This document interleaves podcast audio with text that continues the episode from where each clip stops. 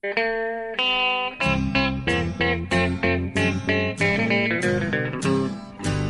out there, we're on the air. It's hockey night tonight. Tension grows, the whistle blows, and the puck goes down the ice. The goalie jumps and the players bump, and the fans all go insane.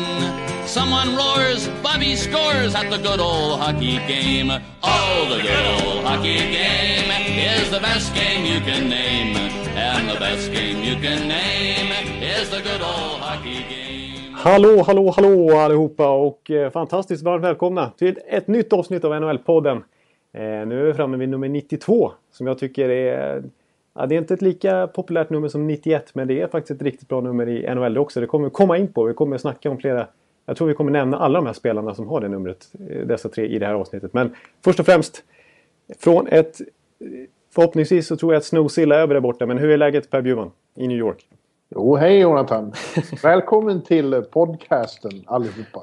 Ja, Eh, Vi fick ett härligt svamrigt eh, intro där av Jonathan Ekeliv. som vanligt ostrukturerat och inte riktigt med mål och mening så att säga. Men, men Ja, tack, ja, tack, tack Bjurman. Mm.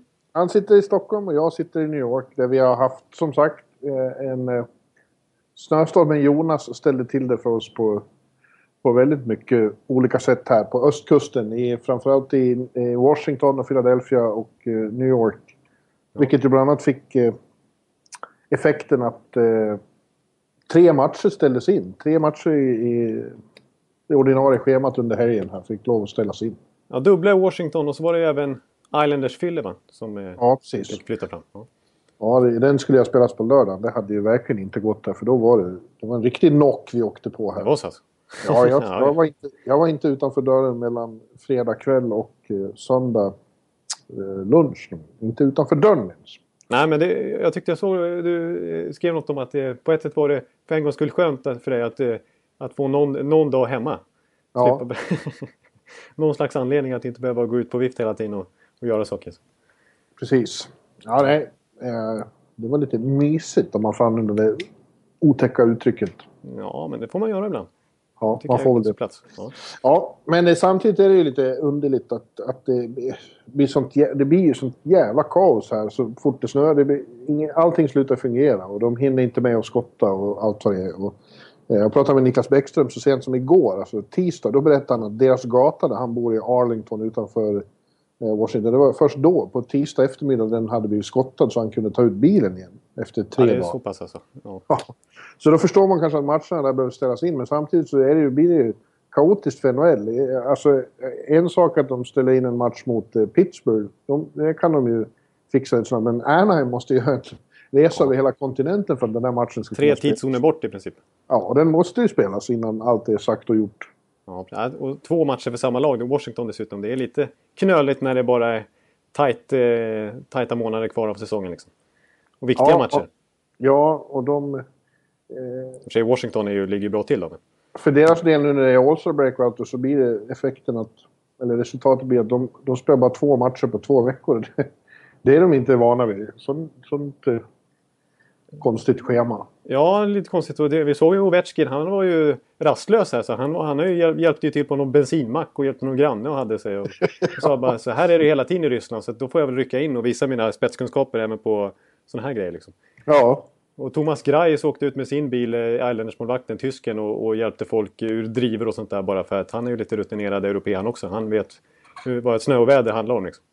Ja. Att, eh, ja, jag däremot är en skam för mitt snöiga hemland och sitter bara inlåst och vill inte gå ut och harka.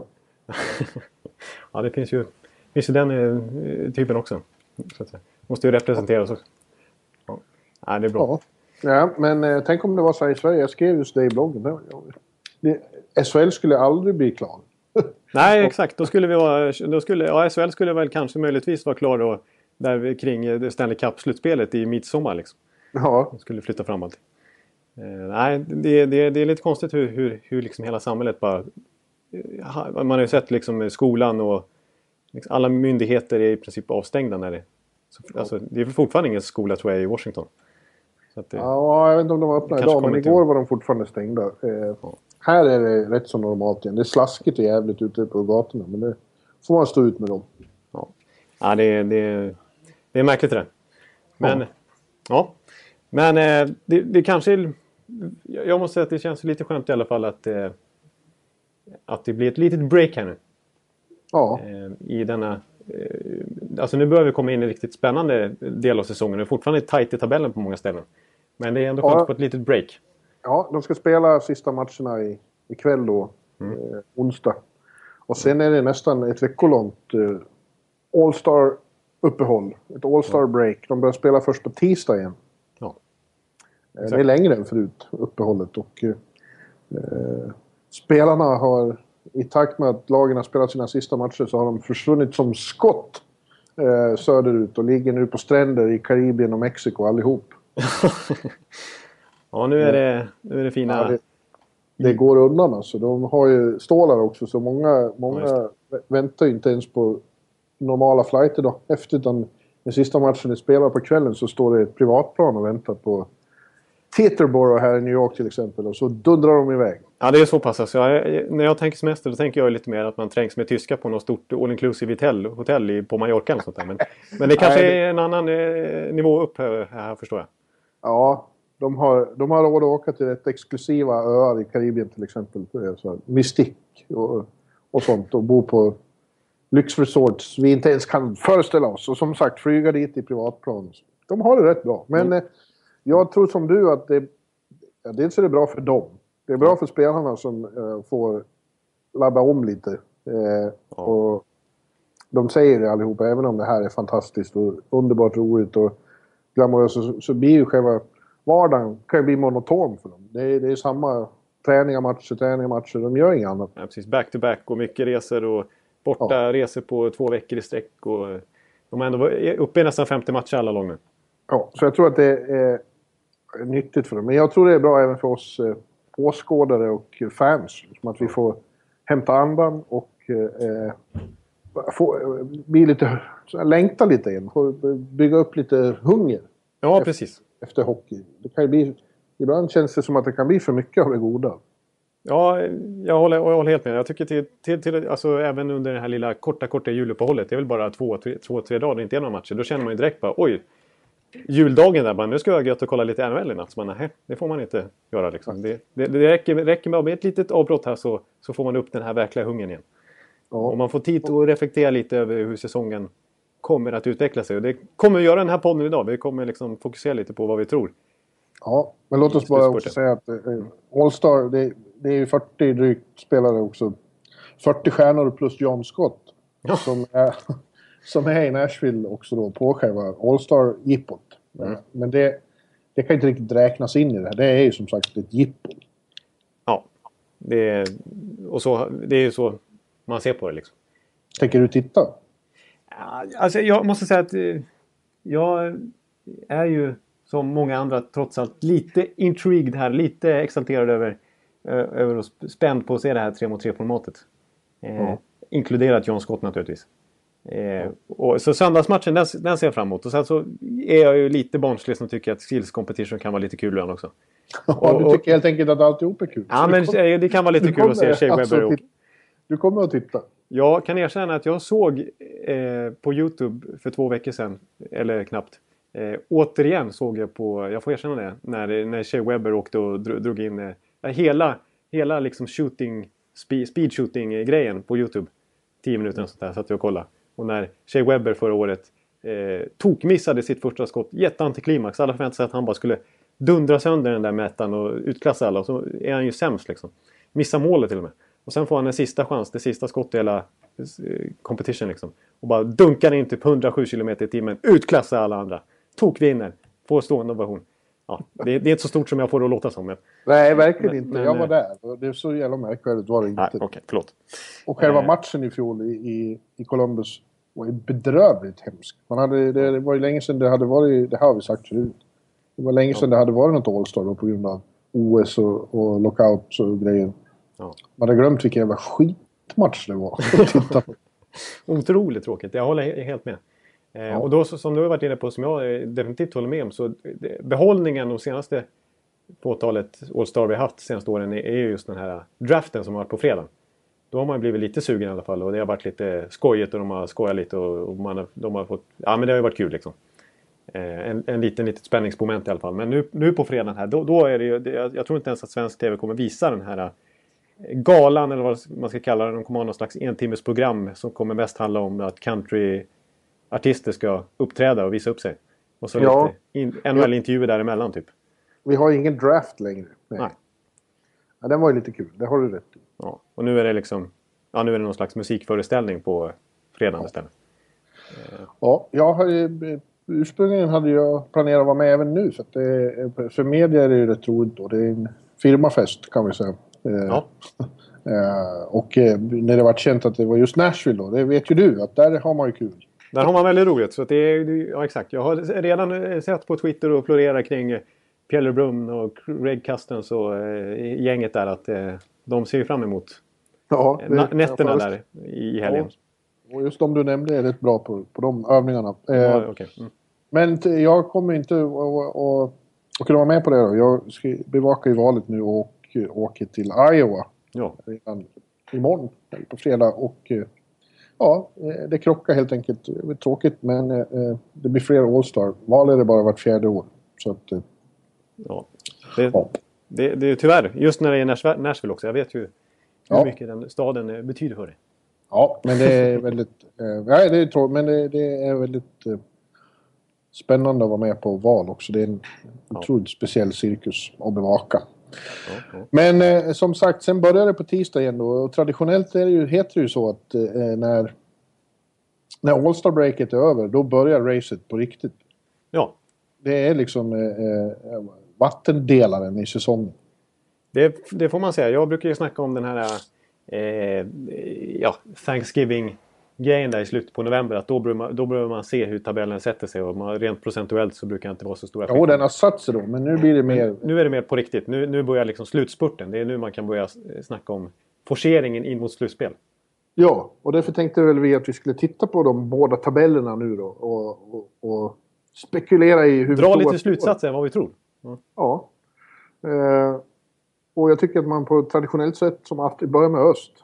Ja, vi är ju väldigt traditionalistiska och liksom konservativa när det kommer till ordning. Ja, ja. Bokstavsordning och eh, East first, så att säga. Så ja. det blir väl Atlantic då helt enkelt. Eller ja, öst överhuvudtaget, det är ju, man slår ju trots allt ihop divisionerna med wildcard-platsen. Så att, ja. Eh, men... Jag tror att det, det enda man kan vara helt säker på mm. där är att, tror jag, att eh, Washington är ju helt självskrivna. Ja. Eh, de, är, de leder ju så överlägset. 10 poäng före Florida. Och fler poäng än man kan räkna i Metropolitan-divisionen. Ja, och de liksom, eh, så fort de åker på ett bakslag, de kan, de kan förlora mot Buffalo borta till exempel, eh, eller något sånt där, men då, då radar de upp två, tre vinster direkt på det ändå. Det ja. blir liksom alla de här svackorna. Och nu ja. har det hållit på så här i två, tre månader i sträck. Så att det känns som att de är alldeles för stabila. De, har, de, de eh, klarar även av ett antal avbräck på backsidan och ändå kan liksom dunka på. Så att ser det väldigt ja. bra ut. Även Florida får man ju säga då känns som de... De hade en väldigt svacka efter, ja. efter sviten bröts men nu har de tre raka igen. Och, eh, bröt ju till exempel mitt Tampas eh, sju matchers svit här med dunder och brak. Eh, ja. Gjorde 4-0 i andra perioden och de såg otroligt bra ut. Jag måste säga att jag... Det, det är mycket av, på, i Florida som imponerar på mig. Dels naturligtvis Longos målvaktsspel. Som, han ser ut som Luongo 2007 eller något sånt där. Alltså 2010. Ja. Alltså när Vancouver-tiden och när han slog igenom i Florida första gången. Han känns ju minst lika bra nu. Eh, men sen och så är Aaron Eckblad var borta lite med skada och då kom, kom det lite förluster. Men han ser ju... Jag tycker att Aaron Eckblad är nästan är Shea Webber-nivå redan nu. För jag, jag jämför ju ofta honom med dem med varandra för jag tycker de är lika liksom. Ja. Eh, och sen så är jag imponerad av eh, även bredden att till exempel en sån som Brandon Pierce Eh, som ju gjorde en bra fjolårssäsong när han gjorde massa mål och Börjar den här säsongen bra. Sätter ju, är väl en av NHLs bästa straffskyttar. Han har svårt att ta plats för att de har så mycket unga spelare som knackar på dörren och vill in i det här laget så som liksom eh, åker med i den här eh, vurmen på något vis. Eh, den här hungern och framåtandan som finns i laget just nu. Eh, en sån som Quinton Howden som inte har slagit sin lag på flera år och spelar hela fjolårssäsongen AHL jättebra på slutet här. Eh, väldigt bra tvåvägsspelare. Eh, extremt bra attityd. Det finns, eh, jag tycker alla fyra kedjor är jobbiga att möta för motståndarna. Så jag, jag, tror Florida Eh, kan åka på några till förlustsvackor sådär, men jag tror, jag tror ändå att de mycket väl kan knipa divisionen. Ja, eh, ja det får vi se. Jag tror ju fort, ja, Min teori eh, mm. är ju att Tampa har vaknat nu. Eh, trots det lilla magplasket och kommer, mm. och kommer att vara eh, ett av... En av de... Eh, det kommer att stå mellan dem och Washington till slut. Det har jag sagt eh, nu ett tag. Ja, precis. Vi var ju, jag, jag höll med dig lite grann när jag satt och vurmade för Tampa ja, förra, förra Nu ska vi inte gå in så mycket Nej. på Tampa. Eh, vi har ju konstaterat att de är skadefria nu och att, att de börjar ja. bygga upp igen. Ja, jag tror att de blir den stora utmaningen för Florida där. Mm. Mm. I övrigt kan man konstatera att det är ju extremt eh, tajt i kön under strecket då. Ja. Och runt strecket. Eh, från... Eh, nu är Philadelphia tappat lite då, vilket... Eh, ja, vi snackar ju precis. Förvånande tycker jag. Men Ottawa, Montreal, Carolina, New Jersey precis under strecket. Pittsburgh, Tampa, Islanders, Boston mm. får man kalla precis ovanför. Detroit. Oh. Ja, Detroit, ja, Detroit också. Och i någon mån Rangers. Mm. Ja, alltså jag, av de här lagen vi nämner just nu så det lag som jag tycker känns på frammarsch och som förhoppningsvis kan hålla sig skadefria för deras del som jag tycker har stor potential. Det är ju Pittsburgh. Ja. Eh, jag tror att de, alltså om, om Letang kan hålla sig frisk och Fleury fortsätter spela bra i kassen och, och, och framförallt är frisk han också.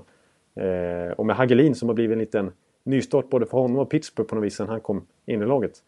Eh, ja, han har varit en väldig injektion.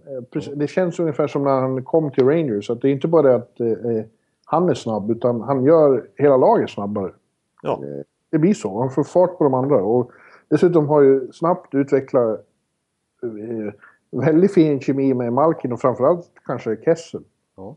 Det var ju... snygg passning till Kessel i sista matchen här innan. Uppe när de nollade New Jersey. Ja. Och det är ju oerhört positivt för Pittsburgh. Det blir som en nyvärvning nästan det också med tanke på att Phil Kessel inte alls levt upp till den hypen vi snackade om inför säsongen. När vi tänkte att oavsett om han lirar med Crosby eller Malkin nu så när han äntligen får en liksom proven första center vid sin sida så är det ju liksom, då kommer ju hans målproduktion att bara explodera. Ja. Men det krävdes tydligen Hagelin för att han ska få fart på honom lite grann. Så ja. Att, eh, ja, men jag, jag tror eh, om Pittsburgh kan liksom hålla ihop där och det är ju nödvändigtvis inte... För Letang har gått, redan gått sönder några gånger den här säsongen. Och, eh, det hackar lite spelet då och då men jag tycker ändå att deras högsta nivå är så pass hög så att alltså, får de verkligen ihop det nu så tror jag att de kan till och med... De har ju absolut hugg på både Islanders och Rangers. Jag tror till och med de kan absolut. sluta tvåa i divisionen. Ja, det tror jag med. Mm. Eh, jag tror att även eh, New Jersey och Carolina som gör det så otroligt bra. Fan, Carolina slog Chicago med 5-0 i, igår Nu hade väl Chicago gått på semester redan kändes det som. Ja, lite så. Men eh, ändå. Mm. De, det vi pratade om dem förra veckan. De imponerar och jag tycker New Jersey också, de har en karaktär som är jävligt imponerande. John Hines. Ja. Och Montreal är ju så under isen så det liknar ingenting. Alltså, två torskar mot jumbon Columbus på två dagar. Ja, det är ju, det, det är ju ett statement på ett negativt sätt på något vis. Det är ja. signifikativt för deras eh, utsatta position just nu. Men ändå så har man svårt att, att, att se att de inte ska fixa det här. Med, med, de har ju ändå en poängskörd att stå på. Mm. Så, och någon gång måste ju det här vända igen. Och förmodligen när de får tillbaka Price då. Det är inte bara att han är, är bra, utan han... Eller bra, han är ju helt sensationell.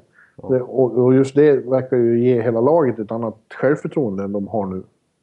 Ja, precis. Alltså kan han komma tillbaka och då, då gäller det att han hittar tillbaka till den här formen också. För att man vet ju inte hur han kommer reagera på två, tre månader off. Liksom om, om han är, är en MVP direkt. Liksom. För det kommer ju krävas att han spikar igen kassen direkt. För det är ju så pass kort tid kvar på säsongen. Eh, ja. Men, jag, jag, jag, jag blir Men om alla de tre som är under strecket ska, ska upp på slutspelsplats igen. Vilka, vilka är det som eh, försvinner då? Och, och jag, jag säger i så fall Boston, Rangers och Islanders eh, ligger risigt till.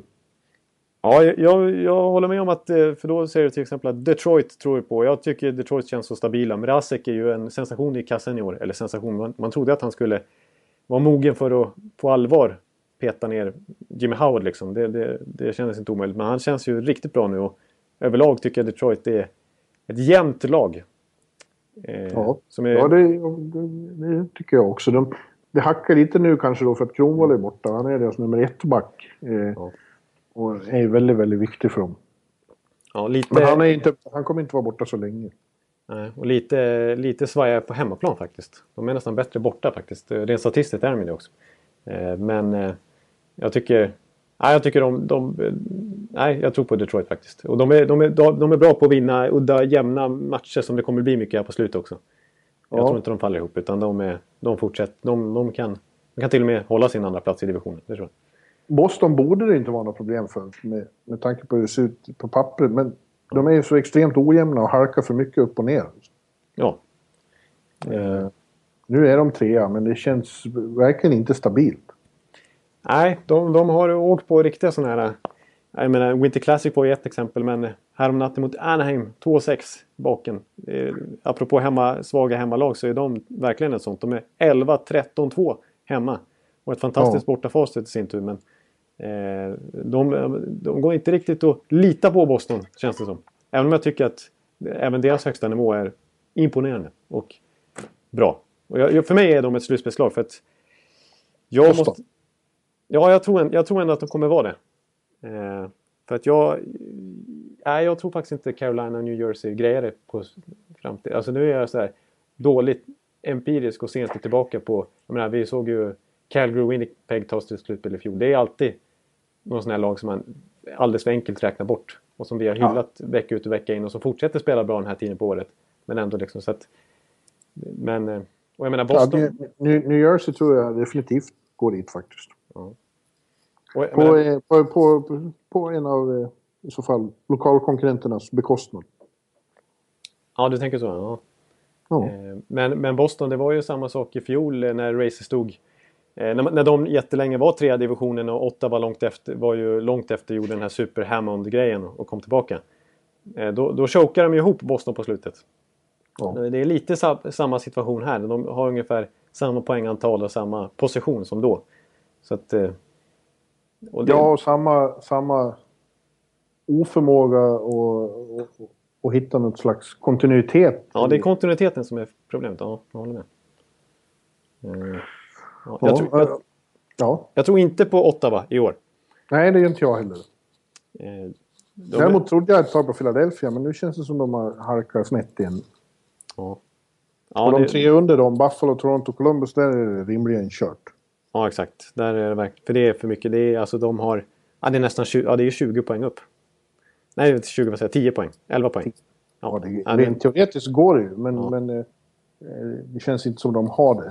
Nej, de har inte, nej, de har inte den trenden och de har inte det materialet heller känns det Buffalo kommer ju som vi har sagt innan, de kommer ju att bli ett väldigt bra lag. Inom något år. Ja. Eh, men de behöver framförallt eh, bygga upp sin backsida på ett bättre sätt. Alltså. Det håller, och de har haft otur med målakt, målakten också när, när Lena varit borta nästan hela säsongen. Och, eh, Ullmark har för sig gjort det bra men, men defensiven är ju inte tillräckligt bra för att de ska kunna vara med i en slutspelsstrid. Uppenbarligen, tycker jag. Ja, och New York-lagen nämnde jag. Det är lika... Där, jag, jag, upplever... Nu har ju Rangers så mycket poäng då från... lite marginal från sin fina start. Eh, mm. Men det är, det är, samma brist på kontinuitet där. De, de tar ett steg framåt och ett steg bakåt hela tiden. Och bakifrån kommer det lag som stormar. Eh, jag, tycker de, jag tycker det känns som de lever farligt. Ja, det är det. Om man ser som matchen i söndags när de fick stryk mot Ottawa. Mm. Då var de ju bedrövliga. Ja, det... och du ser ju dem verkligen på kontinuerlig basis där på, på plats liksom. Så att det... Ja, och det är lite lika med Islanders. De är för ojämna just nu. Ja, jag har ingen stark känsla för Islanders faktiskt den här säsongen. Eh... Nej, inte som man har haft. Det, är ju egentligen ett bra lag, men, men eh, det känns som det är en massa false starts. Ja, och det är inte den här super Tavares längre. Han, Nej. Han är ju en, verkligen en leading line-kille men han, han är inte den fanbäraren som han behöver vara känns det som. De känns eh, faktiskt svagare än i fjol. Ja, det gör de. Ja, jag säger det igen. De lever farligt från sina divisionskonkurrenter New Jersey och Carolina. Ja. Och det är konstigt för att både du och jag, i alla fall jag, eh, tok... Jag menar, jag, var ju, jag, jag såg ju att de gjorde upp om sista platsen i Metropolitan. Ja. Eh, vi höll ju båda Columbus som en utmanare snarare. ja. Eh, ja vi, vad vi vet. Ja, exakt. Nej, men alltså, det, det är ju helt sjukt. eh. Kyle Palmieri, 20 baljer och Lee Stempniak, 36 poäng i New Jersey. Liksom. Eh, och Carolina, liksom, tre unga backar har slagits in och är liksom ja, superetablerade känns som redan nu. Definitivt hör hemma i NHL. Eh, och, och eh, dominerar match efter match, ofta skottstatistiken och sådär. Så att, eh, ja, jag ska inte, jag ska inte vara för... Jag ska inte räkna, jag ska lära mig lite av, av the past och inse att... Och just jag tror också att den här lilla, lilla underskattningsfaktorn som, som de fortfarande har på sig, tror jag, hjälper dem i, här i slutet. Ja. Du, jag fick precis ett mail här från sekreteraren i Professional Hockey Writers Association, min gode vän Mark Spector, om att vi ska rösta i eh, Elmer Ferguson Award. Alltså? eh, det får man lämna in, det är ju då till Hockey Hall of Fame. In recognition of distinguished members of the hockey writing profession whose words have brought honor to journalism and hockey. Tycker du att eh, någon av oss förtjänar... Har vi, har vi eh, brought honor to journalism and hockey? Ja, jag, jag har inte gjort det. Jag har direkt motverkat det med mina uttal och sådär och så vidare. Så jag, jag har inte hemma. Men du har ju en lång och trogen känsla. Nej, nej, nej. Det har inte eh, varit någon honor. Tvärtom. Ja. Du, nu vill jag också bara påpeka att eh, de håller på att renovera någon lägenhet i, i, i närheten av min. Så Alltså. det borras och hamras ifall ni störs av det. Ja, I bakgrunden finns det ljud. Väldigt, väldigt irriterande. Än så länge tror jag vi klarar oss hyfsat. Eh, från dessa... Ja, ja. Men eh, eh, ja, som sagt. Eh, det blir infernaliskt i öst. Ja, det, det, det, är väl eh, det man, det man åtminstone kan slå fast att det här kommer ju... Precis som i fjol känns det kommer vara ett, ett race in på målsnöret. Eh, och Ja. det kommer vara flera lag inblandade här. Ja. Eh, och... Eh, ja, men jag... jag nej, ska jag, ska jag hålla fast då och säga att jag tror på... Jag tror på Florida, Detroit, Tampa i Atlantic och jag tror på Washington, Pittsburgh och Rangers i Metropolitan och så tror jag att Islanders och Boston tar wildcard-platserna. Jaha. Och New Jersey, Carolina, Montreal och Ottawa missar faktiskt. Eh, Ja, jag törs ju... Jag, jag tror inte man kan räkna bort Montreal och jag säger igen att jag tror Carolina och New Jersey kan ta sig upp där också. För den kapaciteten Montreal visade första två månaderna liksom, då, då, då, hade, då trodde man inte det fanns på kartan att, att de skulle hamna i den här situationen. Nej. Men nu är de ju Columbus-svaga, eller är de, är ju, de är ju sämst i ligan just nu faktiskt. Nu, vi kan ju förresten påpeka, apropå Florida då, att de skrev nytt kontrakt med ett väldigt, väldigt bra kontrakt med Ja, Barco. Bra för deras Superkontrakt. del. Ja. För deras del alltså. jag håller med. 5,9 tror jag, miljoner tror jag capita dollar eh, s- handlade snittlönen på i över sex år var det va? Eh, Ja, så var det nog. Och det, tyck, det är ju typiskt sånt där kontrakt som kan bli supervärdefullt om några år. För redan nu tycker jag att han lever upp till, så som han spelar den här säsongen. Eh, det är ju en sample size på bara 40 matcher i princip som han har varit, man har varit skadad också. Förra året gjorde han bara, kom han inte upp i 40 poäng till exempel. Men så som han har spelat i år när vi har jämfört honom med Datsjuk och Taves och allt möjligt. Eh, så tycker jag att, eh, att han definitivt lever upp till nästan 6 miljoner i cap hit. Och den capiten kommer han alltså kommer ju kicka in först nästa säsong och sex år till. Så att jag tycker att det här är, det här är en supergain för, för, för, för Florida. Och man kan på ett, på ett sätt och vis förstå att Barco går med på det. Att han, det är ju trots allt mycket pengar då. Han har chans att skriva upp, liksom teckna det här avtalet redan efter 40 matcher den här säsongen. Så att, Ja, och inte behöver man betala någon delstatsskatt i Florida heller. Nej, Man precis. räknar in med de där två Florida-lagen. exakt. Vilket eh, Steven Stamkos kanske ska tänka på. För nu kommer vi in på Tampa igen. Han har ju blivit erbjuden då tydligen ja, typ 8 miljoner per säsong och tackar nej. Eh, Ja. men det, det sägs ju att det bara var en, ett startbud för att få igång eh, förhandlingarna på riktigt. Ja, Vi precis. får se. Vi ska inte gå in så mycket på det Jonathan. Nej, och jag, men jag, jag kan förstå att, eh, att eh, Stamkos Camp inte går med på 8,5 miljoner. De, de har sett vad Kopitar har fått nu till exempel alldeles nyligen. Ett, ett case som de säkert eh, tittar noggrant på som jämförelse. Eh, Ja, men absolut. så att, eh, jag Så, så, så, ja, det kommer ju inte att bli så lite inom citationstecken. nej, exakt. Det, och det kommer dra ut på tiden här. Alltså. Usch. Och deras egen eh, Barkov, han sitter och strejkar eh, och spelar inte, är avstängd. Vår vän Drouin. Ja, exakt. Han fortsätter den, den här situationen. Jag, jag, så som jag känner Iceman så är det mycket troligt. Alltså jag, jag har en känsla av att han kommer vara stenhård mot Drouin nu och återigen liksom maktdemonstrera här. Att han kanske till, även om det är ytterligare försämrar Drouins värde har jag en känsla av att han vill ge igen lite nu och kommer låta han sitta bra länge till. Det kan dröja till deadline, det kan till och med dröja till sommaren. Alltså jag, jag... Ja, bedrövligt agerande av Drouin och hans agent. Tycker jag. Ja. Han är 20 år. Jag, vi sa ju redan det när han babblade om att han ville bli tradad. Eh, att eh, det är inte så här man vinner sin, sina kollegors respekt. Nej, nej precis. Och, och, så som jag har läst eh, sista veckan här efter senast vi pratades vid när det var dagsfärskt i princip där med Drouin. Eh, så eh, då skyller många på agenten liksom att det är han som, som har uppviglat där. Och det är det ju men det kommer mer och mer uppgifter om att Drouin liksom är desperat. Att han har verkligen legat på att, få, att bli tradad. Att det var redan under slutspelet i fjol så var liksom droppen för honom att han eh, han är i högsta grad delaktig i det här. Han har absolut eh, legat bakom att eh, få till en trade. Life is made up of many gorgeous moments. Cherish them all, big and small, with Blue Nile. Whether it's for yourself or a loved one, Blue Nile's unrivaled selection of expertly crafted fine jewelry and statement pieces help make all your moments sparkle. Blue Nile's experts are on hand to guide you, and their diamond guarantee ensures you get the highest quality at the best price. Celebrate a life well lived in the most radiant way and save up to 30% at BlueNile.com. That's BlueNile.com. Det bara. Ja, men du, då tar vi och tittar på väst då. Ja. Det är ju inte precis uh, avgjort där heller. Nej, det kan man ju inte påstå. Nej.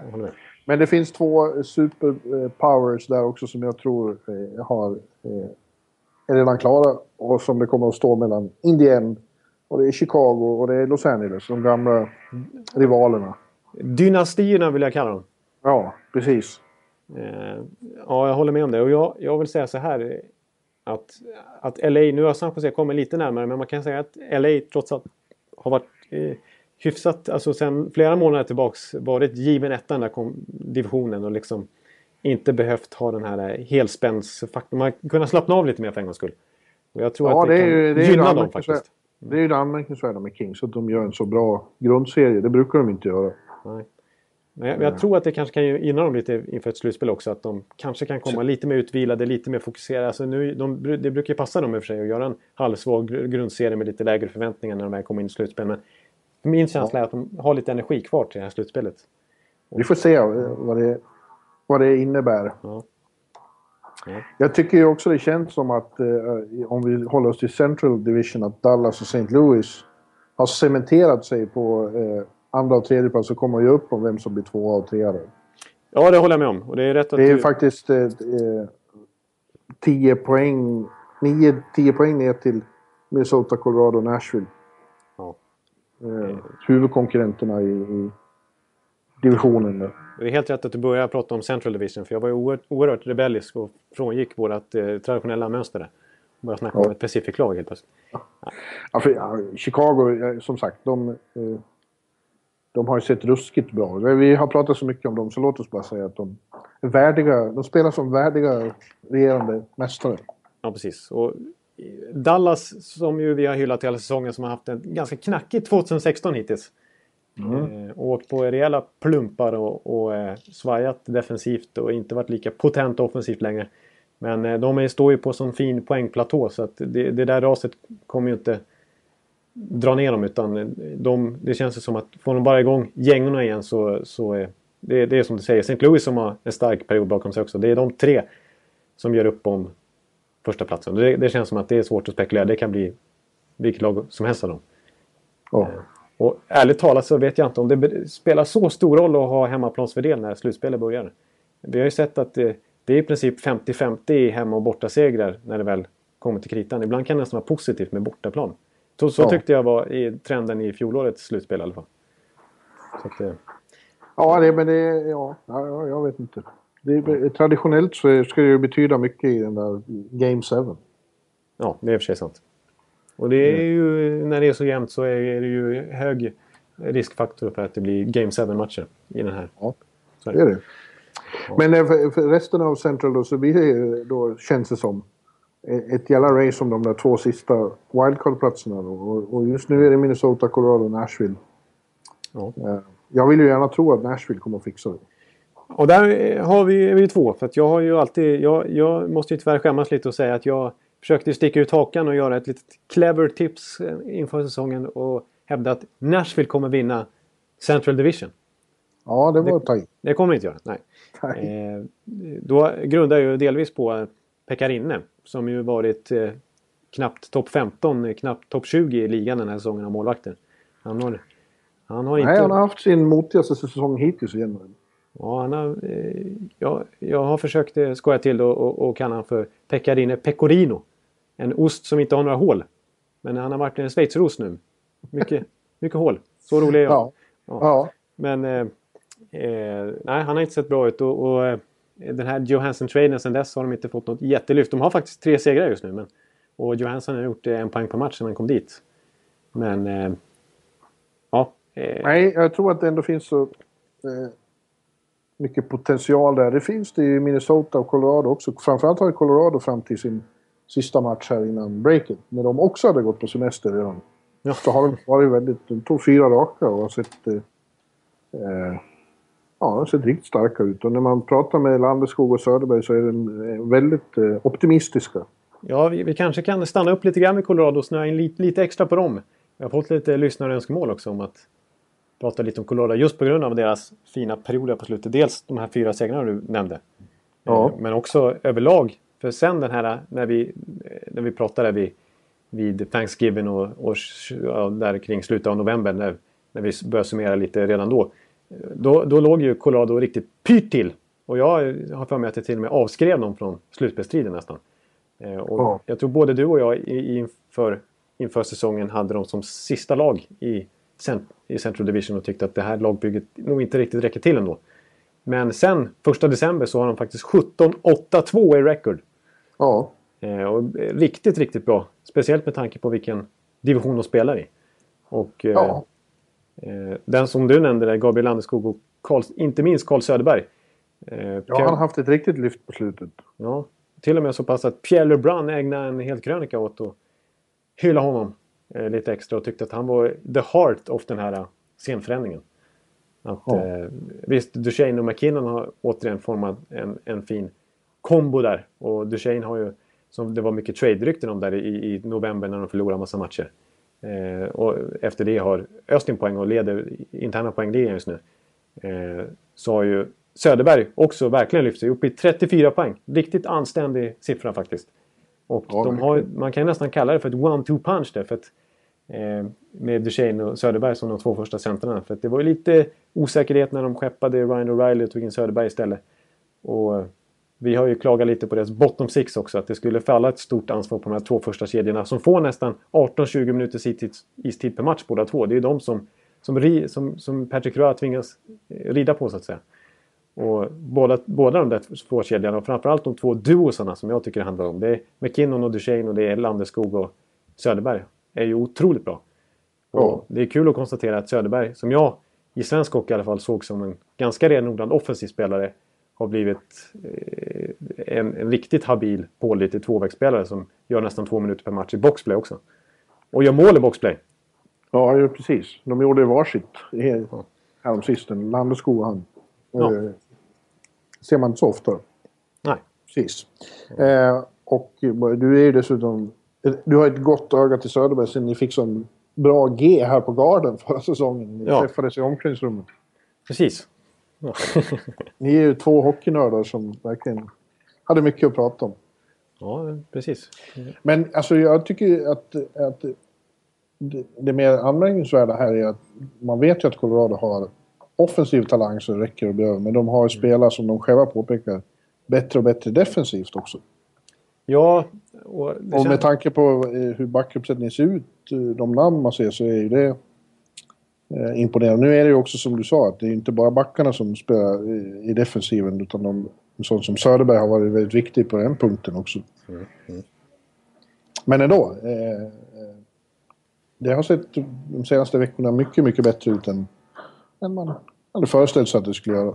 Ja, lite plumpt, eller det är slarvigt att uttrycka så, så det är allvarligt eh, i allra högsta grad och, och, och förmodligen, alltså nu, nu har de åkt på ett bakslag här nu när eh, just den här San Jose-matchen som, som ju var lite typiskt då precis när vi pratar om Colorado så åker de på en 6-1-torsk när de fick ställa en febersjuk Calvin Picard i kassen och det var nära att Patrick Roy skulle dressa om som reservkeeper men de lyckas få in sin andra keeper i AHL som eh, backup. Eftersom de har ja. stor målvaktskris där när Reto Berra är skadad fortfarande och Valamo då återigen är inblandad i Ja, rättegången pågår nu. Exakt, och, och det har kommit riktigt... Eh, ja, riktigt hemska uppgifter om vad han, hur han betedde sig. Där 2013 när det, när det uppdagades och det, den här hela grejen drog igång. Ja, det börjar så. Men det ska inte två okunniga som du och jag sitta och prata om. Nej, precis. jag påpekat förut. Precis, och det är just Det är för mål... allvarliga saker för, för den här lättsamma bloggen. Ja, precis. Men om man ser till januari och den här stretchen här, framförallt januari kanske, så har ju, tycker jag, spelet i mångt och mycket sett ut lite grann som 2013-14 när de vann Central Division. Eh, ja. Då har det varit eh, ett, det här tajta, att Patrik Roy har gått verkligen gått tillbaka till det defensiva, eh, inte så corsi effektiva spelet De är faktiskt det, det lag som, har, som ligger sämst till den procenten. De har minst antal eh, procentuell fördelning vad gäller skott framåt, bakåt så att säga, i hela NHL. Mm. Eh, men eh, de har eh, litat på ett otroligt bra målvaktsspel. Valamo blev faktiskt utsedd till NHLs första stjärna här om veckan. Och att liksom, laget i stort verkligen har kommit ihop som kollektiv. Och jag hörde Duchene säga häromdagen att, att, de, de, att de som grupp kände att när de låg efter där november att de höll på att waste another year. Liksom. De är unga spelare i sin karriär. Det kan, så, här, så här uttryckte han inte. Men jag jämför lite med Edmonton. Alltså, slänga bort ytterligare år i såna här unga lovande karriärer. Det, hade de inte, det har de inte råd med. Liksom, utan de måste ta tag i det här själva nu. Det är, de, det är ju upp till, upp till eh, Duchene och McKinnon och sen när de trots att det är ledande spelare så här ung ålder att, att visa sig värdiga det. Liksom. Eh, och, och det har ju verkligen gett effekt. Det känns som att de, de, har, tagit, de har ju tagit tag i det här själva i allra högsta grad. Ja. Att, Fint. Ditt, eh, ditt Minnesota då? Ja, mitt som jag har släppt. Till ja. min MN Johan, din trogna bloggläsares stora besvikelse. Ja. Eh, jag har alltid hyllat Minnesota. Nej, jag, de har ju in, in i en väldigt negativ trend. Ja, de är det. Eh. Det känns knackigt. Ja, jag tror de bara har två segrar senaste tio till och med. Och Devin Dubnik har, tycker jag inte heller varit 5 plus direkt. Det var ju ungefär vid den här tiden i fjol som han blev tradad till Minnesota och var så vansinnigt bra resten av säsongen. Eh, och de har också problem med målskyttet framförallt. Och det ryktas ju mycket om att de är ute på... Eh, att Fletcher är ute och, och letar efter forwardförstärkning. De var bland annat inne i Drouin-racet när, när han var het. Ja, det ryktas ju om Jonas Brodin bland annat. Precis, att, att Jonas Brodin skulle vara tillgänglig och Matt Dumba skulle vara en annan. Att de har lite assets där för att få till sig en riktig första center. Eller, eller offensiv spets i alla fall. Brodin till Tampa, en tredje svensk back där. Det vore väl inte så dumt? Ja, ja, ja. ja, det kan, kan vara något. Eh, om det, Matt Carl mot Jonas Brodin tycker jag vore en bra trade. Och Duran. Ja, okay, ja, just det. Ja, nej men... Eh, och ja, uh, Ryan Callahan. ja, men eh, jag, jag, tycker... Jag, tycker jag, jag, jag, tror av de där tre lagen så måste jag säga att jag håller Nashville högst. Ja, det gör jag ändå också. Jag är imponerad av Colorado, men jag tror att Nashville är det lag som kommer att ta den sista wildcard-platsen och Arizona kommer att ta den andra. Det är för Oj! Att, Snyggt! Anaheim kommer, och nu går vi över till Pacific. Mm. Anaheim kommer ut och tvingar sig förbi eh, Arizona. Inte för att Arizona är dåliga. De har ju imponerat väldigt eh, eh, och gjort det fantastiskt med sitt spelarmaterial. Ja. Men nu börjar Anaheim röra sig och det är ett bättre hockeylag och det måste, måste sluta med att de tar sig upp på slutspelsplats. Ja, jag tror också det. De, de tog en imponerande 6-2-seger här mot Boston och överhuvudtaget så har de en bra trend på slutet. Jag tror de är 7-3-0 sista 10. Och eh, att de ja. har växlat om lite till en att de, de har börjat ge upp den här offensiva spelstilen. Eh, de, vill, de, de har ju material tyckte de.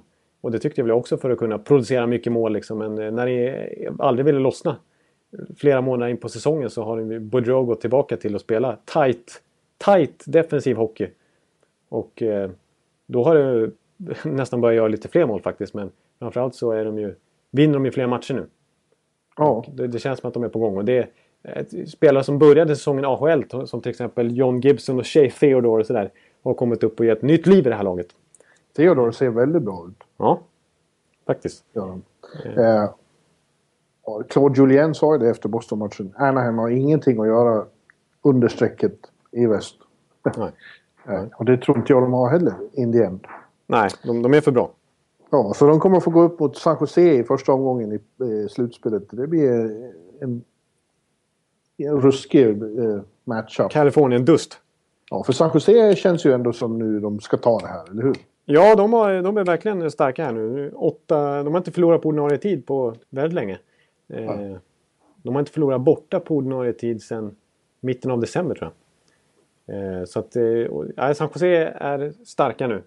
Eh, och Big Joe Thornton ser bra ut. Han eh, noterades för sin 1300 poäng igår. Ja, det är faktiskt eh, Hall of Fame-mässiga siffror i allra högsta grad. Det Han kommer bli Hall of Fame. Han är ju fantastisk eh, grundserieartist. Eh, en ja. av de bästa. Men vi vet ju alla vad som, att det inte alltid... Det är andra tongångar när det väl ja. vi är i slutspel Sverige. Men, men i, som grundseriespelare så finns det inget som helst att anmärka på honom. Tvärtom, det är bara att hylla. Att det är en väldigt speciell spelare. Eh, de, har, de, är, de är ju väldigt potenta offensivt. De menar Brent Burns, vilken back. Det är också, han ja. skuggar ju Erik Karlsson i toppen av poängligan för backar och gör ju mängder med mål och är ju kanske... Ja, han är mest mål. Ja, och han, ja, han är väl NHLs bästa powerplayback. Och... Eh, eh, otroligt bra. Brent Burns faktiskt. Att, eh, Men sen känns det då som de fyra kanadensiska lagen i väst. Vancouver, Winnipeg, Calgary, Edmonton. De kommer få det svårt. Man trodde att Calgary skulle ta ett steg till då, men de har tagit halvt bakåt istället. Ja, jag tycker vi pratade om dem i början av januari, eller när det nu var någon gång, så hade vi lite specialepisod om Calgary och då var de lite på gång. Och vi hade en känsla av att de absolut kunde ta en av de här platserna i Pacific-divisionen med tanke på konkurrensen att, att flera andra lag hade problem också. Men nu har ju Calgary, nu är de ju långt ifrån. Nu har de halkat efter ännu mer. Och de, ja. känns för, de, de, har inte i sig i år. De är de räcker inte till. Så är det, de kan vi räkna bort tycker jag. Och inte Edmonton. Nej. Det kanske hade varit annorlunda om eh, McDavid inte hade blivit skadad. Det kanske blir bättre när han kommer tillbaka nu men... Men då har de sin... Lite, en, det snackar om en till lost season. Ja precis och det blev inte bättre av att även Nugent Hopkins är borta i några månader Nej. också. Så att... precis. Mm. Ja det är ju fel att det aldrig händer någonting med all, all talang som finns ackumulerad i Alberta. Ja, och, och eh, Todd McLellan in som coach och så här. Ja. Så att, eh, men... Eh, och, jag, och du sa Vancouver också. Jag räk, jag, de är faktiskt poängmässigt är de inte att räkna bort. Men, för de är över 50 poängsnivån de också. Men, men jag tycker Vancouver... Dels har de så mycket skador på backsidan. Och... Eh, dels så känns de lite för unga och orutinerade ja. framåt. Ja, de har två tvillingar som är... Som ja. håller dem vid liv. Ja. Ja, verkligen. Helt och hållet. Så är det. Som gör två riktigt bra säsonger, båda två. Ja. Eh, att... Och Winnipeg har också tagit lite steg tillbaka känns det som. Ja, precis. De är inne i en riktig mellanfas nu. För det kändes som att nu... nu, nu med tanke mm. på vilken stark fjolårssäsong de gjorde eh, och gick till slutspel. Eh, så trodde man att det här skulle vara the år lite grann för dem att kunna ta ytterligare ett steg. För det här var ju sista året med, med både Ladd och Bufflin innan deras kontrakt går ut. Eh, och så Nikolaj Elersin tänkte man att det här kan börja lyfta. Eh, men tvärtom så är de... Ja, de, de klarar inte av Central Division i år. Utan skulle de spela. Pacific då kanske de skulle vara ett slutspelslag. Men, men det, ja. det, det, räcker inte till det här. Och, och, nu är det väl...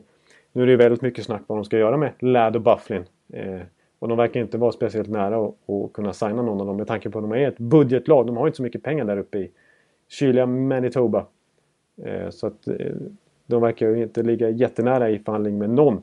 De, jag, tycker, jag tror det var Elliot Friedman som, som rapporterat att de gör en serious push för att behålla båda två. Och gett så bra förslag de i princip kan till både Bufflin och Ladd men att att det går trögt där. Så att åtminstone Bufflin verkar ju i allra högsta grad vara en, en spelare som kommer bli tradad innan deadline. Ja. Det blir intressant att se vart han hamnar. Och även Ladd är ju inte omöjligt att han ryker också faktiskt.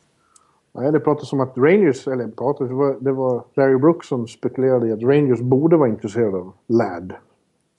Att Ja. han står för den kraft och storlek och, och, som de inte riktigt har. Eh, Jag tycker han är lite lik Callahan fast lite bättre. Ja, kanske det. Lite. Men eh, så, vi är överens då om att eh, alla lag som är där nu utom eh, Minnesota och Colorado går till slutspel. Istället kommer Anaheim och Nashville in. Ja, alltså jag skulle eventuellt kunna hävda så här att jag, jag håller med dig om att det blir tre Kalifornien-lag i Pacific. Det blir Los Angeles, San Jose och Anaheim. Eh, sen så tror jag nog att eh, Minnesota är faktiskt... Eh, jag tror på... Ja, nu, nu har vi hyllat Colorado här, men jag tror att det blir Nashville och, och Minnesota som tar de där wildcard-platserna. Minnesota! Minnesota eh, före Arizona och, och eh, Colorado helt enkelt. Du, eh, nu ska vi... Nu ska jag gå och hämta kaffe. Sen ska vi ta ut USAs eh, World Cup-lag. Eller Ja. grunderna till. Ett ögonblick. Du kan väl prata om eh, något medan jag, Jag- går och hämtar kan- kaffe. Precis. Jag kan ta upp eh, en, eh, ett mejl vi fick in här till faktiskt eh, eh, här i dagarna från Pontus Svensson som eh, bland annat ville att vi skulle prata om just Colorado. Men också hade en undring här om Hart Trophy-priset som vi varit inne på några gånger den här säsongen. För det gör man ju automatiskt att man pratar lite vem som är MVP i den här ligan. Och vad som egentligen är kriterierna för det priset. Är det, det, det går ju inte sällan till den som gör mest poäng och som är liksom den, den kanske bästa spelaren i ligan. Och i det här fallet så kan man ju vara ganska överens om att Patrick Kane har gjort en helt otrolig säsong och 72 poäng och liksom, eller ännu mer är det väl nu. Och, och är, väldigt dominant. Men, men frågan är om Nu är jag tillbaks. Ja, men frågan är om Patrick Kane är MVP. Pontus Svensson hävdar ju att det är Erik Karlsson som är MVP. Alltså ska man gå efter en spelare som är mest värdefull för sitt lag. Vem är egentligen det? Och jag kan hålla med. Alltså, nu, nu är det svårt att säga också med tanke på att jag tippar att Ottawa kommer missa slutspel här och det ser tungt ut för dem. Eh, men eh, Erik Karlsson här om natten spelar ju alltså... Han, han har ju mängder av matcher över 30 minuter nu. Och eh, här om natten här så spelar han alltså 8 minuter och en sekund av de sista 10 minuterna. Vilket är fullständigt bisarrt. Men det är så att Hart Trophy är väldigt svår att vinna om man inte går till slutspel. Precis. Eh, och ofta så, så, så blir det den bästa spelaren som, alltså, som får Hart Trophy. Alltså den som varit ja, alltså poängmässigt typ. Ja, fast i fjol var det Carey Price. Och Ja, det är sant. för Montreal går inte att överskatta. Nej. Eh, Men vem skulle du säga är MVP då av eh, spelare som, som, eh, ja, jag sitter för, precis och funderar som på går det. till slutspel? Men vi- Ja. Eh, Det är svårt. ja, i, så fall en annan svensk som, om de nu går till slutspel, som kommer att vara eh, lika vid är ju Henrik Lundqvist. Och vi har pratat ofta om att han, han är så otroligt värdefull för dem. Eh, Ja. Han hade ju en, en svajig december men överlag den här säsongen har han gjort det väldigt bra. Man ska inte glömma bort hans två första månader när, när Rangers tog sina, mesta av sina poäng. Det var ju Mm. Henke Lundqvist. Oliver Ekman. Precis, jag tänkte säga Oliver Ekman Larsson. Alltså, inte för att jag tror att han får Hart Trophy men, men Nej. eh, det höjs ju röster i Arizona. Jag menar Dave Tippett har varit, varit ute och snackat lite om att hallå, kom igen nu. Oliver Ekman Larsson är skitbra ju. Snälla någon liksom. Ja. Varför, varför nämns han inte på allvar som en Norris Trophy-kandidat av fler, fler experter liksom? Och han, är, han används ju i alla situationer nu. Han är, Ja, Norris tycker jag definitivt att Ja. han borde vara aktuell för. Men eh, Hart kanske väl sträcka sig långt. till och med Paul Coffey eh, pratar varmt här om Oliver Ekman Larsson att, att han måste... Eh, han är eh, i princip en Norris Trophy-back. Eh, Ja, det menar. Och han har, det känns som att det har blivit ännu mer accentuerat här sen Keith Yandel... Accentuerat. Accentuerat. Jag kände att jag kom helt fel i den. Ja. Men sen Keith Yandel lämnade, för nu... är- Ofta var det... Yandel var ju trots allt första back i PP Arizona förut. Nu är det ju Ekman Larsson och han ser ju återigen ut att gå upp över 20 mål. Kanske ännu mer. Så att... Och är ju liksom... Jag tyckte det var ett kul citat också jag såg från hans eh, Connor Murphy, en av deras unga backar där i, Carolina, eller i Arizona som sa att det, är en, eh, det som är så, alltså han, apropå eh, Ekman Larssons pondus på isen, att han liksom, ja, när man spelar i Arizona så kanske man har inställningen att eh, och, och spela många minuter som back, att nu ska vi stänga ner Patrick Kane och de här motståndarlagens bästa spelare. Medan Ekman Larsson går in med inställningen att jag är bäst, jag är alltså de ska stänga ner mig. Ja. Det, det är Ja, jag som är, går in och dominerar på isen nu. Så får ni göra vad- så gott ni kan för att eh, motbevisa det. Alltså att han har en självklarhet på Att isen. han har den attityden. Ja. Inte att han säger. Nej, det säger han ju definitivt inte. Det skulle För det gör han då verkligen inte när jag ringde honom. Absolut inte. Men att Conor Murphy upplever att det är den attityden han har på isen. Och det är ju trots allt en, en backkollega i samma omklädningsrum. Så att det säger ju någonting tycker jag i alla fall. Det är ett bra, ett bra omdöme. Ja, jag säger det. Han och Erik och Klingberg kan vara de tre Nor- Norris-nominerade. Topp fem i, kul. ba- i, back, i backligan eh, båda, alla tre. Så det är ju... Då kan det bli en festlig Las Vegas-vistelse. Ja, precis. Mm. Men hörde du... Eh, eh, ja, Ovechkin måste också nämnas där. Han är ju väldigt, Ja, rätt så viktig för Washington, får man väl säga. det tycker jag vi kan eh, konstatera att han är. Och Kane är ju såklart aktuell i och med att han ändå är så överlägsen i poängligan. Precis. Ja. Och man får ju ändå, trots att det, det är ju jättemånga eh, skickliga spelare i, i Chicago, men som vi varit inne på flera gånger också så är det ju halva laget tjänar under, mer än halva laget tjänar under en miljon. Så att det är verkligen enormt ansvar på de här eh, ledande spelarna. Och att då leda poängligan i sån överlägsen stil och att Chicago leder den tuffaste divisionen i hela NHL. Det är ju, då är man ju en väldigt duktig hockeyspelare och då är man ju Hart aktuell tycker jag. Så att det är inte så konstigt att Kane kanske blir Hart Trophy-vinnare till slut ändå. Tycker jag. Eh, Men apropå Kane då, ska vi, ta ut, ska vi avsluta med att ta ut USAs World Cup-lag? Vi har ju tagit ut några nationers lag här. Och kommer, vi har väl kommit fram till USA det här avsnittet. Har vi kommit fram till. Ja, och det är ju väldigt konstigt nu då när man tittar på de nordamerikanska lagen och det känns som det blir en särskild hård smäll för USA. Men just det här att spelare under 23 ska inte spela med USA utan de ska spela i, i det här nordamerikanska U23-laget. Ja. Och det, det känns som det finns åtskilliga i, eh, amerikaner som hade platsat i det stora laget. Ja. eh, eh, om... Eh, Om USA hade fått ta ut sina bästa spelare. Så. Ja, precis. Vi har till exempel eh, vi har Larkin, vi har Jack Eichel, vi har Johnny Gaudreau, Mm. vi har Ghostis... Ja, The Ghost. Burr, ja. Ja, Ja, till exempel. Ja. Eh, jag vet inte hur det kommer att vara med Bjugstad. Om, han- Bjugstad om han, kommer, han är 23 nu, han kanske kommer att vara kvalificerad för... ja, jag är inte helt säker där heller. Nej, precis. Brandon Saad tror jag inte heller är aktuell faktiskt för USA. Är det sant? Ja, jag, tror han, jag, tror jag tycker jag läst att han är North America, eh, alltså för U23-laget ställer han också. Herregud. Då, är vi, då känns det ju som att de nästan är bättre än USA. Därför att, eh, som vi har varit inne på, jag såg att eh, eh, Paul Mor Maurice, eller hur säger man? Ja, Paul Morris. Mm. Ja, ja, I Winnipeg. Han konstaterade då när Nikolaj Ehlers hade gjort hattrick igår att eh, ligan i år är snabbare än någonsin. Så det har aldrig gått så fort som det gör nu och en av styrkorna av Ehlers och hans kedja är speed. Och det är ju mångt och mycket de här yngre som har kommit upp och de driver bara upp tempot mer och mer och mer. Ja. Ja. Eh, Det, och eh, de här vi nämnde nu, det är... det är ju såna sjuka speedkulor alltså. Ja. Det Så att, eh, och, och då får USA få, få liksom hålla till godo med de gamla vanliga de har skickat på OS och sånt några år. ja, och som eh, faktiskt inte brukar... Ja visst, de var i final eh, 2010 och de såg ju väldigt bra ut i i Sochi 2014 men, men åkte på dyngtorsk i bronset mot Finland. Ja. Eh, ja, ja, det är ju... Men om vi börjar med målvakterna då så tycker jag att det är Quick och Schneider vi tar ut. Inte Bishop. Nej, om han har varit bra så har Quick och Schneider varit ännu bättre. jag måste vara lite objektiv och erkänna detta. Jag tycker definitivt... Vem, vem skulle jag ha som första keeper av Quick och Snyder då? I dagsläget? Ja, det är ju hugget som stucket som man brukar säga. Ja. ja. Quick är den stora stjärnan men Schneider har varit extremt stabil ute i New Jersey.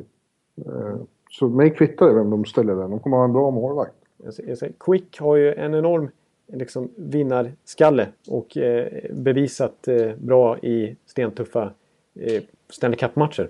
Men, Ja. men är lite ojämnare tycker jag än Schneider som är extremt pålitlig och som har en hög, högsta nivå också. Så jag, jag, jag, jag lutar lite åt Schneider faktiskt men samtidigt är det svårt att säga, inte säga Quick med tanke på hans enorma högsta nivå. Så att, eh, ja. Ja.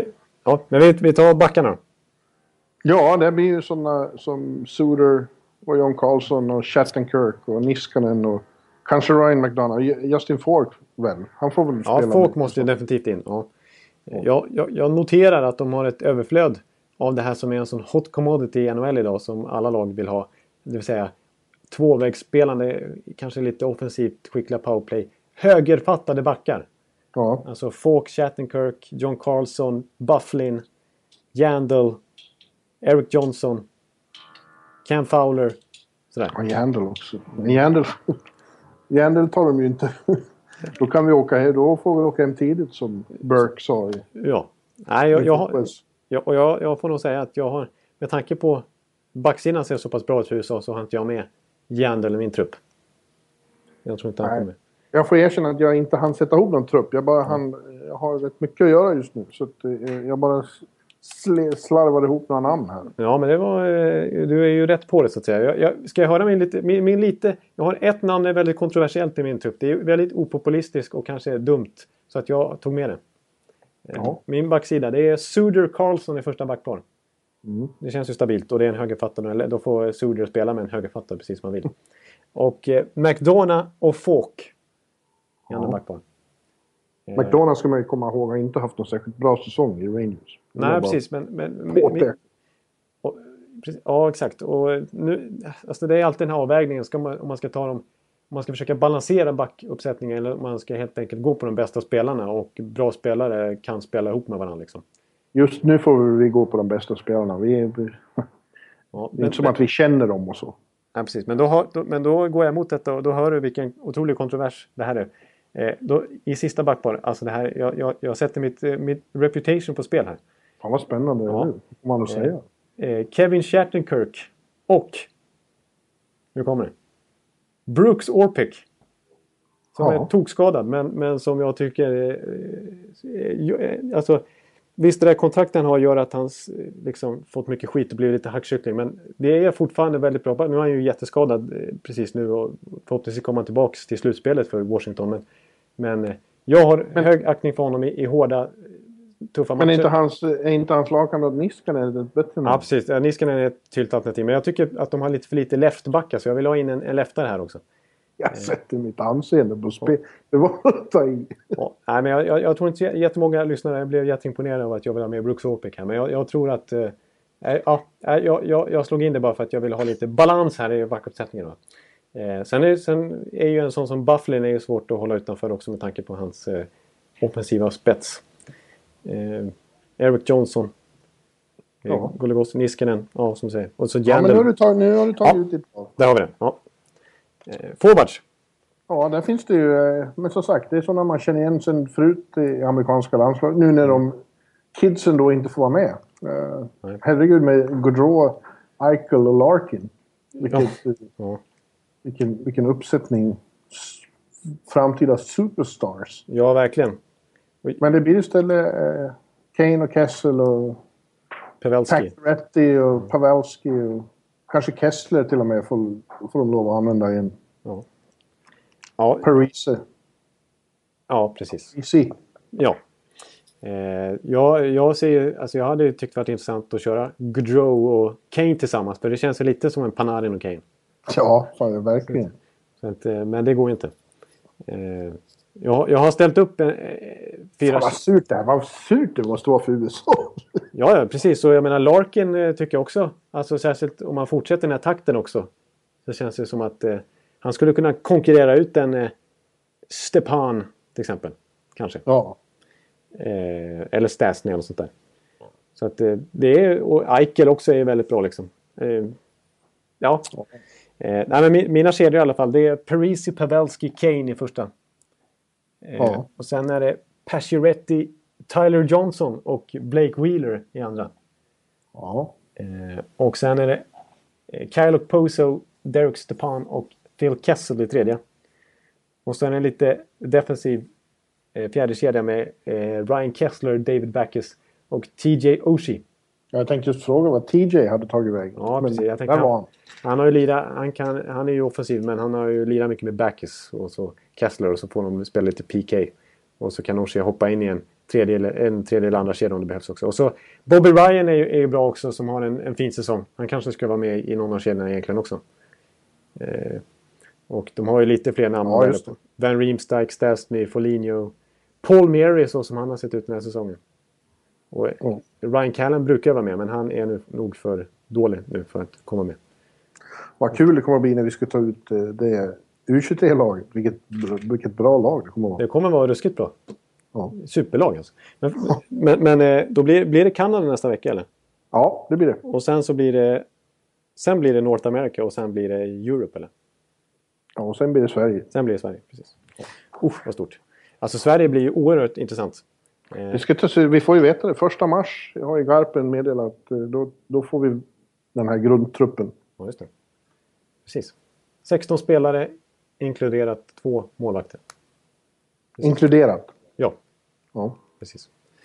Eh, Så det blir ju sjukt spänn- spännande. Och för att kanske knyta ihop säcken lite för vad jag pratar om idag.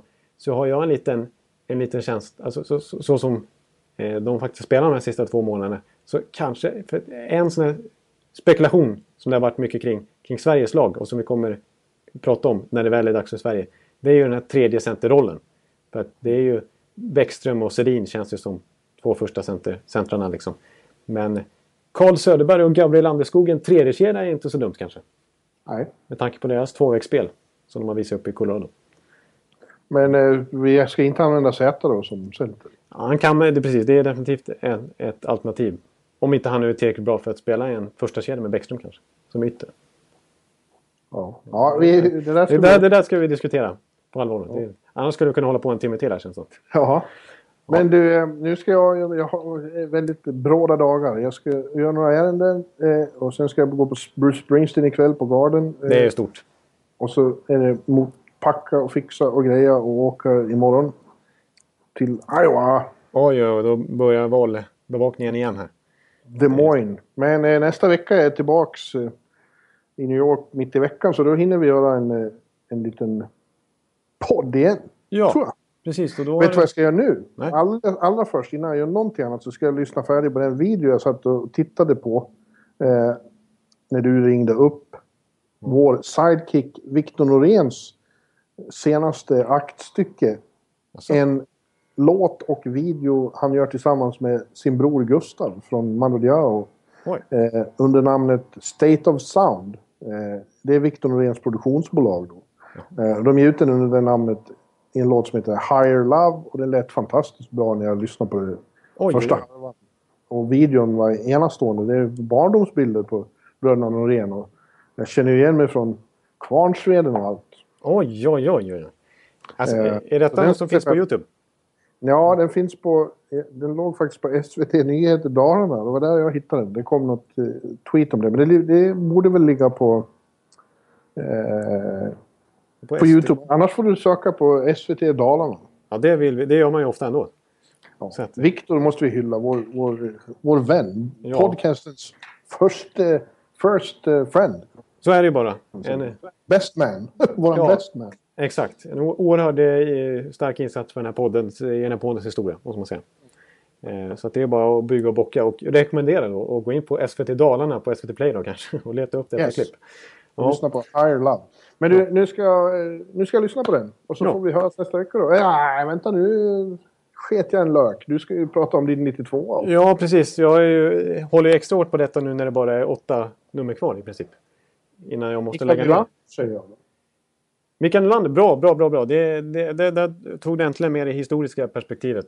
För det är ju en klassisk 92 Vi har ju Ja. glömt att nämna till exempel Eric Lindros som nummer 88 och, och Sergej Fedorov som 91. Så det var jättebra att du sa. Micke Nylander, vilken mycket bra 92 Ja. Och eh, i år så finns det, som jag var inne på när vi började snacka, så finns det tre stycken som har nummer 92. En av dem är Gabriel Landeskog. Just det. Eh, den, en annan är Yevgenij Kuznetsov. Och Ja. den tredje från, eh, som valde det numret för tre, fyra veckor sedan. Det är Ryan Johansson. Ja. Så att, eh, det är ett starkt nummer. Vem skulle du välja? Verkligen starkt. Ja, det vet fan. Jag, eh, lojaliteten säger mig ju att jag skulle borde välja Gabriel. Men jag tycker Kuznetsov har varit en, en, en välsignelse för Hockeyfrälsarna den här säsongen. Så jag säger Kuznetsov ändå. Bra ordval. Eh, vi vi avslutar, avslutar så helt enkelt och så hörs vi nästa vecka. Ja, nu lyssnar vi på Higher Love. Ja, gör det. ha det så gött allihopa. Vi ses. Hej. hej.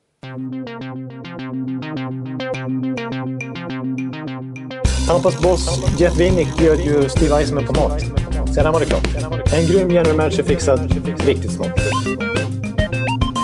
Så nu bjuder jag hem Steven Stamkos till Örby. Fantastisk meny. Och vi avslutar förstås med lite rökig högprocentig whisky. Whisky. Whisky. Sedan sticker jag fram papper och penna. 8 miljoner dollar i ny snittlön. Skriv under här, Steven. Använd denna. Ja, visst, säger Stamkos och sträcker sig efter lite mer alkohol. Och säger han nej så har vi kniven. Då har du kniven i Steven. Då har du kniven i Steven. Oj, oj, oj. Då har du kniven i Steven. Har du kniven. Vi kör på det klipp. Skål. Och säger han nej så har du kniven. Och säger han nej så har du kniven. Och säger han nej så har du kniven. Och säger han nej så har du kniven. Och säger han nej så har du kniven. Och säger han nej så har du kniven. Och säger han nej